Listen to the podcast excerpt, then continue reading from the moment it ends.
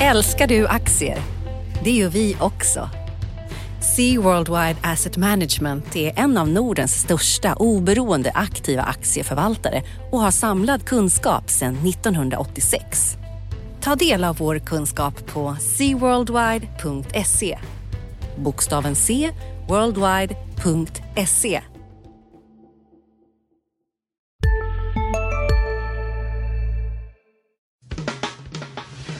Analyspodden från Dagens Industri. Hej och välkomna till Dagens Industris analyspodd. Idag kommer vi att prata mycket olja, vi kommer att prata börs som vanligt och eh, bakom mikrofonerna är det Martin Blomgren som ni hör nu och mitt emot mig har jag Anders Hägerstrand. Hur står det till Anders? Jo, det är så bra det kan göra i dessa volatila tider på marknaden. Det, är ju, det blir lite mer fokus på att titta på börskurserna, mindre på att läsa rapporter och försöka fundera ut bra nyheter nu. Man, blir, man, man dras ju till den där skärmen lite för mycket tycker jag just nu. Mm, det har ju varit en eh, fortsatt volatil utveckling på börsen. Eh, precis som starten på året och det är ner hittills i år 8% men när vi sitter här på fredag strax före lunch så är det upp 2% på, på börsen. Så att eh, det svänger och det kommer väl fortsätta svänga räknar vi väl med, eller? Ja, ja, ja, ja det, det är ju inget... det, det, ja, i och för sig är inte 2 i uppgång så farligt. Man vill inte, jag tänkte när jag såg hur mycket det steg i Japan i morse att nu blir det 5-6 procent och det visar bara att marknaden tappar fotfäste. Nu är ju 2 ganska, ganska sunt ändå, men Alltså jag har ju suttit i den här podden hur många, i åratal snart och, och bara sagt att peka på låga räntor och, och så vidare och så vidare. Att det, det, man, det, man ska vara på börsen. Men jag har nog, måste nog erkänna att någon gång där förra veckan eller veckan före det till och med.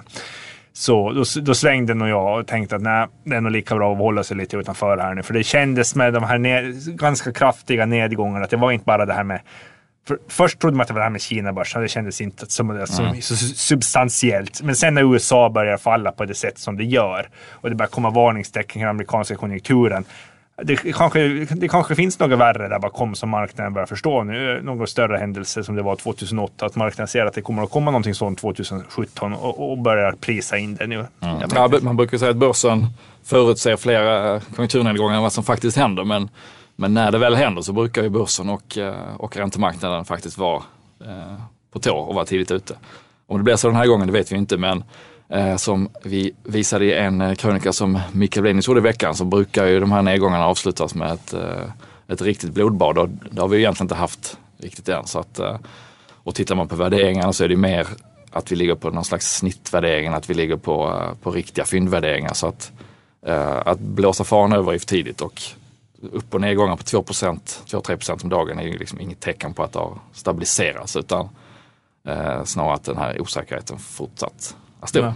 Nej, alltså, skulle det nu vända upp och liksom det skulle lugna ner sig och folk, ja men så här med Draghi kom igår, han skulle mm. nya stimulanser, lovar han mer eller mindre. Eh, och det här så då, och, och det nu blir en lite stabil uppgång närmaste veckorna. Då kommer vi att glömma bort det här och då blir det som lite som en, ja, Kina-krisen som, som var i somras. Och sånt här. Det, liksom, ja, det var inte så farligt. Nej, det påminner Men, mycket om utvecklingen i somras och i augusti där Kina och sen konjunkturen fick börsen falla ordentligt och sen vände det när rapport, höstens rapportperiod drog igång. Och är man optimist så är väl det man ska hoppas på här då, att, att bolagen eh, kommer liksom att lugna ner och säga att ja, visst, eh, det, det är inte bra i Kina, det är inte bra i Latinamerika, men men det tuffar ändå på i, i USA och Europa och, och vi har lyckats kneta upp marginalerna och, och det kan gå sidledes. Det skulle ju kunna räcka med tanke på hur mycket det har fallit hittills för att och, mm, och lugna marknaden. Ja, min, men min känsla är inte att det är så nu. Det är verkligen, det, I somras trodde jag att det skulle vända upp, hela den känslan. Men nu har det verkligen, det, det är ju känslor det här. Vi kan ju mm. inte veta. Det är ju, alltså förutse aktiemarknaden en till två veckor, det, det, ska man egentligen inte göra. Men man kan ju förutse det på ett års sikt. Och, och min känsla är att börsen mycket väl kan vara lägre om ett år än vad den är idag. Och det som gör att man går in i den här rapportperioden vi går in i nu det, vi ser på Volvo till exempel, Nordamerika vänder ner lastbilsmarknaden. Vi ser hela de här Sandvik, Atlas, gruvindustrin, alla deras bolag som också är oljeberoende. Ja, då kommer vi in på oljan.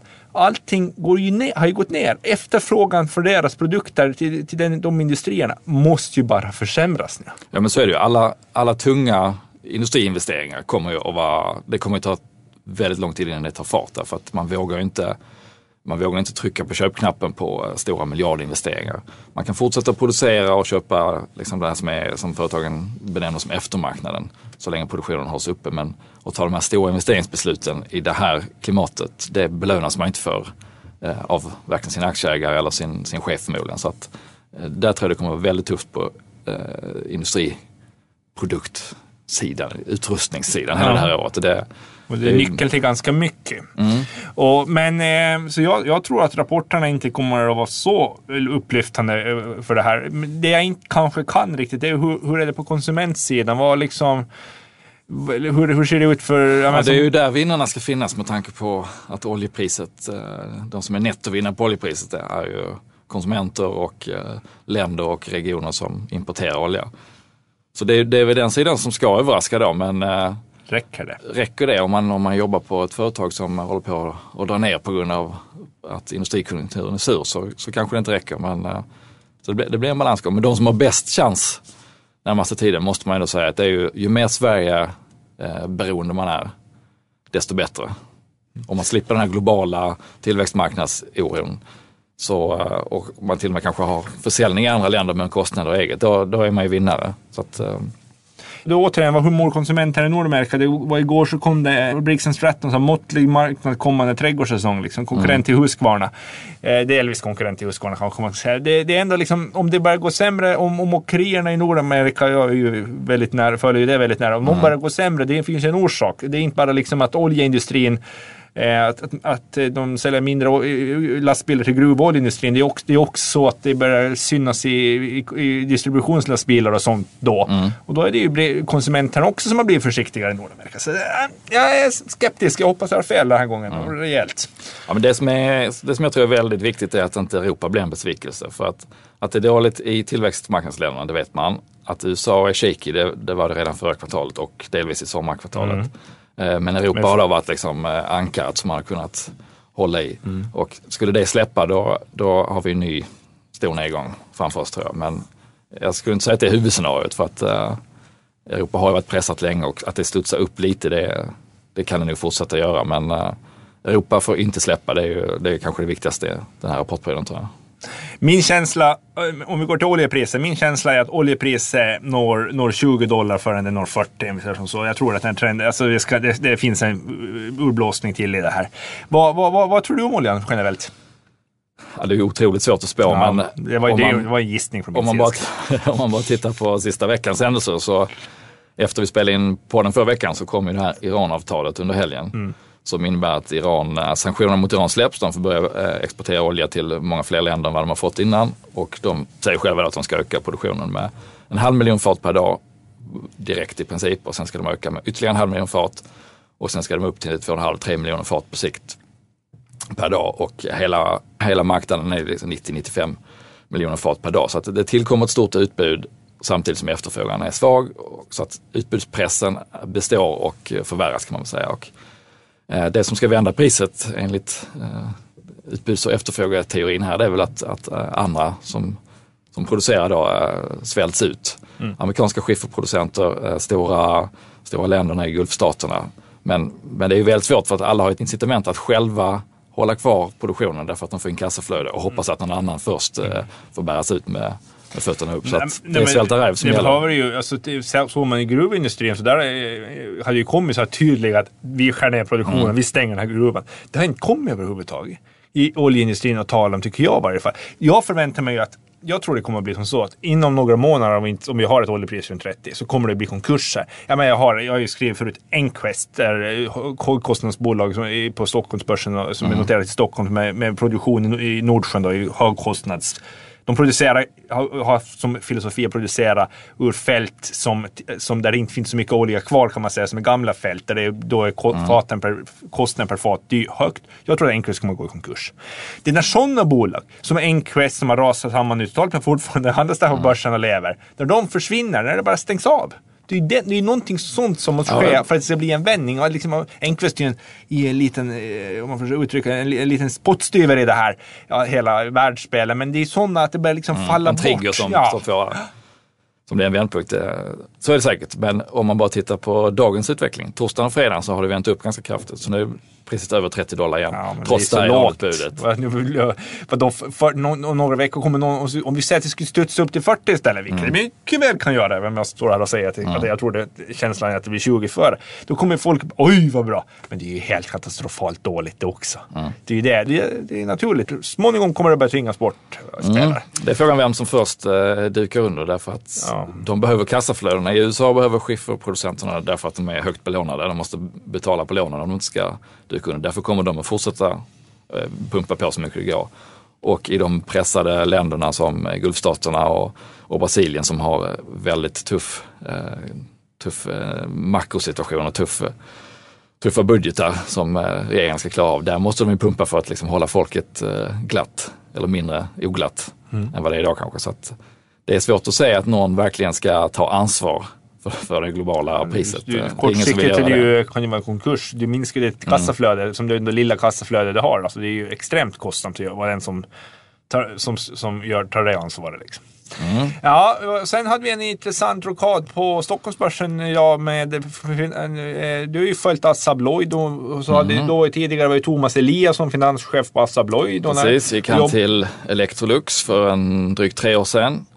Och då kom beskedet på fredagen här att han slutar på Electrolux eh, strax efter att vdn Keith McLaughlin har aviserat sin avgång och går till Sandvik. Exakt. Och den intressanta kopplingen här är ju att eh, Thomas Eliasson var eh, CFO, finanschef tillsammans med Johan Molin på Assa tidigare och Johan Molin är nu styrelseordförande i Sandvik.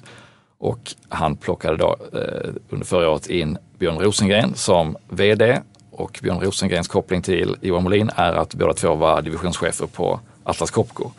Så att det är en trio här som känner varandra väl och som är, har väldigt Vi är specialister på det vi gör, precis som du. Därför försäkrar vi på Swedea bara småföretag, som ditt. För oss är små företag alltid större än stora och vår företagsförsäkring anpassar sig helt efter firmans förutsättningar. Gå in på swedea.se företag och jämför själv. Just nu pågår vår stora season sale med fantastiska priser på möbler och inredning. Passa på att fynda till hemmets alla rum, inne som ute, senast den 6 maj. Gör dig redo för sommar. Välkommen till Mio. högt anseende i, eh, i marknaden och som inte kommer att eh, hålla tillbaka när de ska stuva om i eh, Sandvik. Det är ju den tolkningen man måste göra och det är den tolkningen som aktiemarknaden gör. Ja, jag gör två reflektioner av det här nyheten på morgonen. Eh, ena reflektionen så är att Sandvik stiger med 5 procent och det är liksom nyhetsbyråerna skriver att det här är liksom att finanschefen byter jobb, det är så stor grej. Eh, och liksom nu att, som du var inne på då, lite dream team här då med, med Rosengren och Molin och, och Eliasson nu då. Ja, men att ax, en aktie stiger 5 procent på finanschefsbyte jag tycker, även fast börsen har gjort mycket, det, alltså det är lite gränsfall. Och jag bekymrar mig för, nu går vi in här nu och eh, liksom att, att det är för stora förväntningar nu på Sandviks nya ledning. Jag ser också det med Martin Lundstedt på Volvo när vi går in i rapportperiod. Eh, Hur ser du på det här? Liksom, Ja, jag kan Molin åstadkomma så man, mycket? kan inte, man kan inte se den här 5 i uppgång bara som en finanschefs... eh, Man, man får nog se det som att det är ytterligare ett bevis på att det kommer att hända mycket i Sandvik. Samtidigt ska man ju komma ihåg att de har tyngts väldigt mycket av eh, börsnedgången, av nedgången på gruvsidan, oljesidan, i princip allting. Och drar man ut kurvan riktigt långt tillbaka så ser man ju att, att Sandvik toppade på 145-150 kronor och har liksom aldrig varit i närheten av sina gamla all time high medan de flesta andra eh, verkstadsaktierna kommit tillbaka efter finanskrisen. Så att det finns ju, det finns ju liksom ett, eh, en enorm potential i Sandvik om man får ordning på det och om man har konjunkturen med sig. Och det har man ju inte nu, det har man inte nästa år heller förmodligen. Men, men är man riktigt långsiktig och, och ser ett scenario där eh, den här dreamteamet, den här trion, stuvar om i Sandvik och man en dag har med sig marknaden så kommer aktierna att, att, att vara en dubbla. Men det är ju många om och men innan det händer. Men jag, man måste se det i ljuset av, av det, att de som är riktigt långsiktiga kanske ser det som att ah, men det här, nu ser vi tillfället att gå in. Och då är 5% ingenting.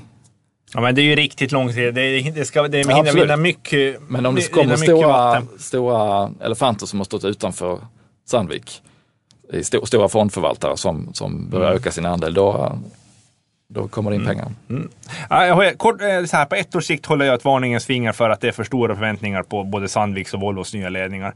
Eh, nummer två som jag tänkte gå in det andra reflektioner kring det här finanschefsbytet. är ju det här med Electrolux.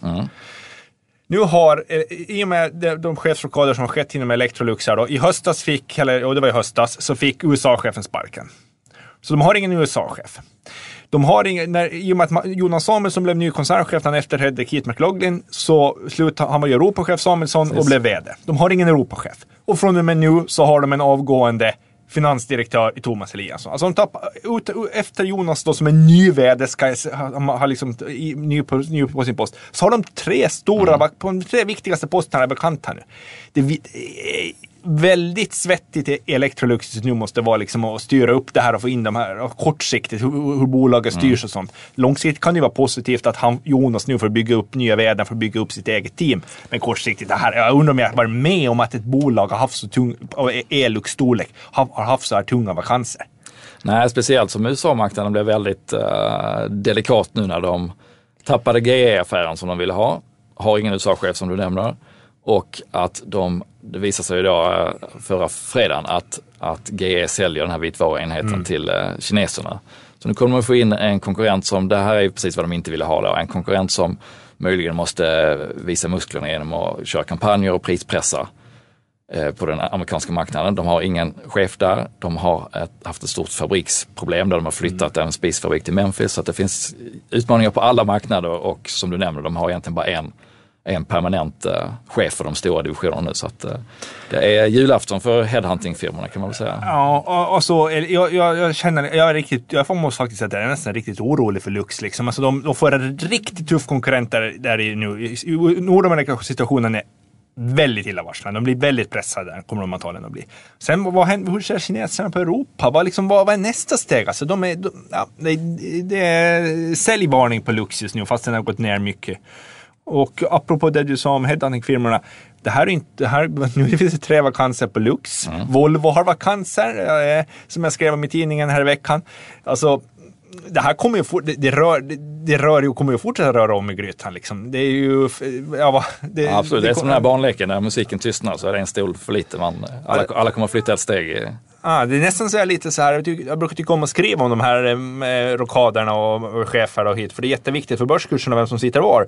Och det är nästan som man börjar fundera på, det, är lite, det bli lite inavel i det här liksom. Kan man inte hitta, borde det dags att ta in lite nytt blod här nu? Alltså, har de varit för dåliga på det, headhunting-firmorna?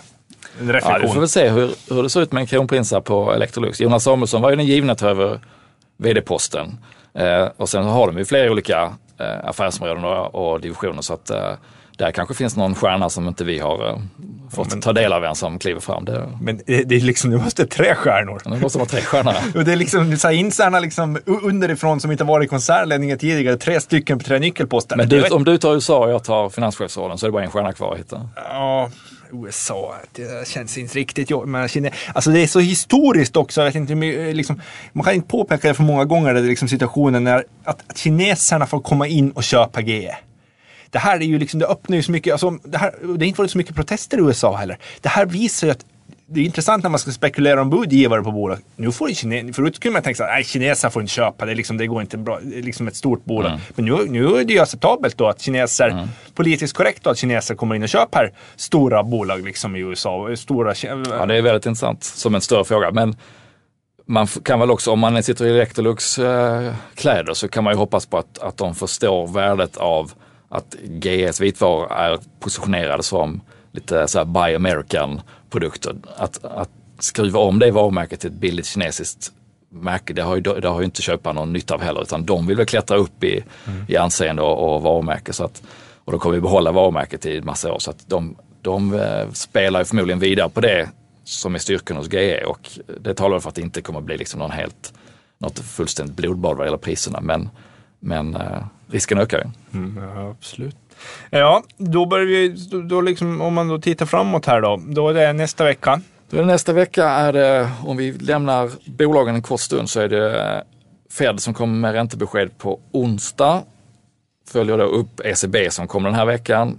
Där ECB, om vi bara kort ska dra, de gjorde ju ingenting men däremot så flaggade ju chefen Mario Draghi väldigt tydligt för att vid nästa möte så står vi redo med, med vår bazooka igen och det köpte marknaden igen. Och eh, frågan är väl hur länge man kommer att, att tro på de här eh, verbala injektionerna. Med tanke på att den underliggande efterfrågan inte verkar riktigt ta fart sju år efter finanskrisen, åtta år efter.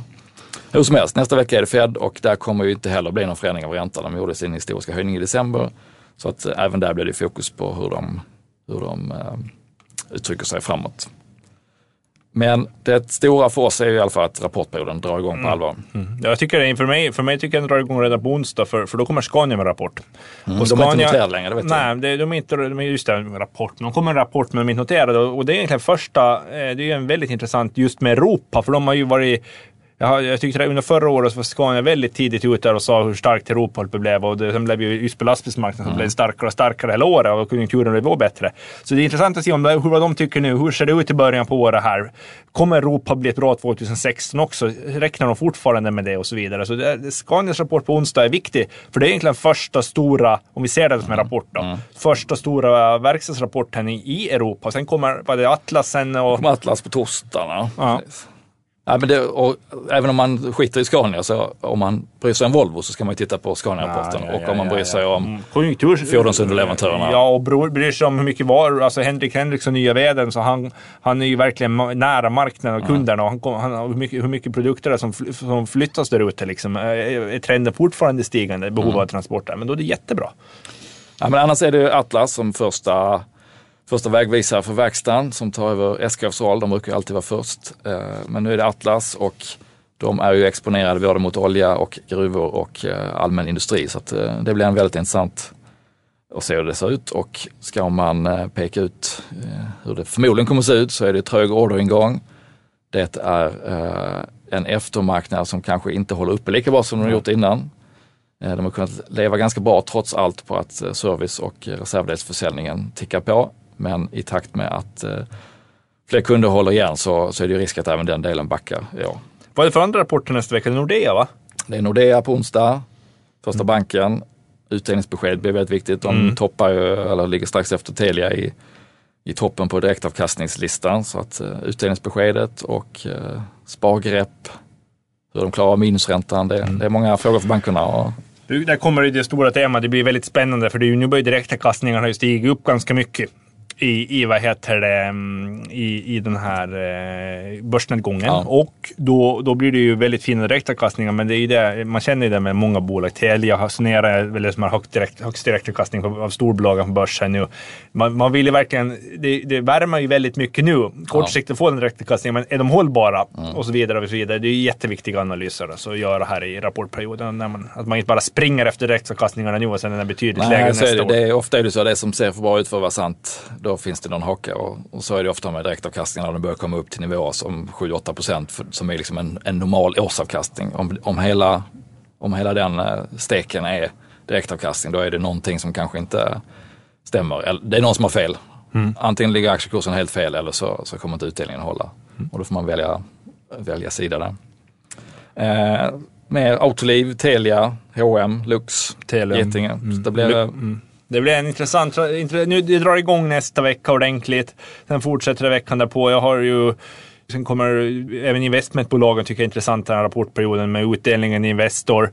Du har eh, sen Industrivärden och kommer den 5 februari, fredagen där. Och det är jätteintressant också om hur de ska göra om sin portfölj nu för att få ner skuldsättningen. Bra, då tackar vi för den här veckan. Ja, det gör vi. Ha det bra. Analyspodden från Dagens Industri. Podden redigerades av Umami Produktion. Ansvarig utgivare Lotta Edling.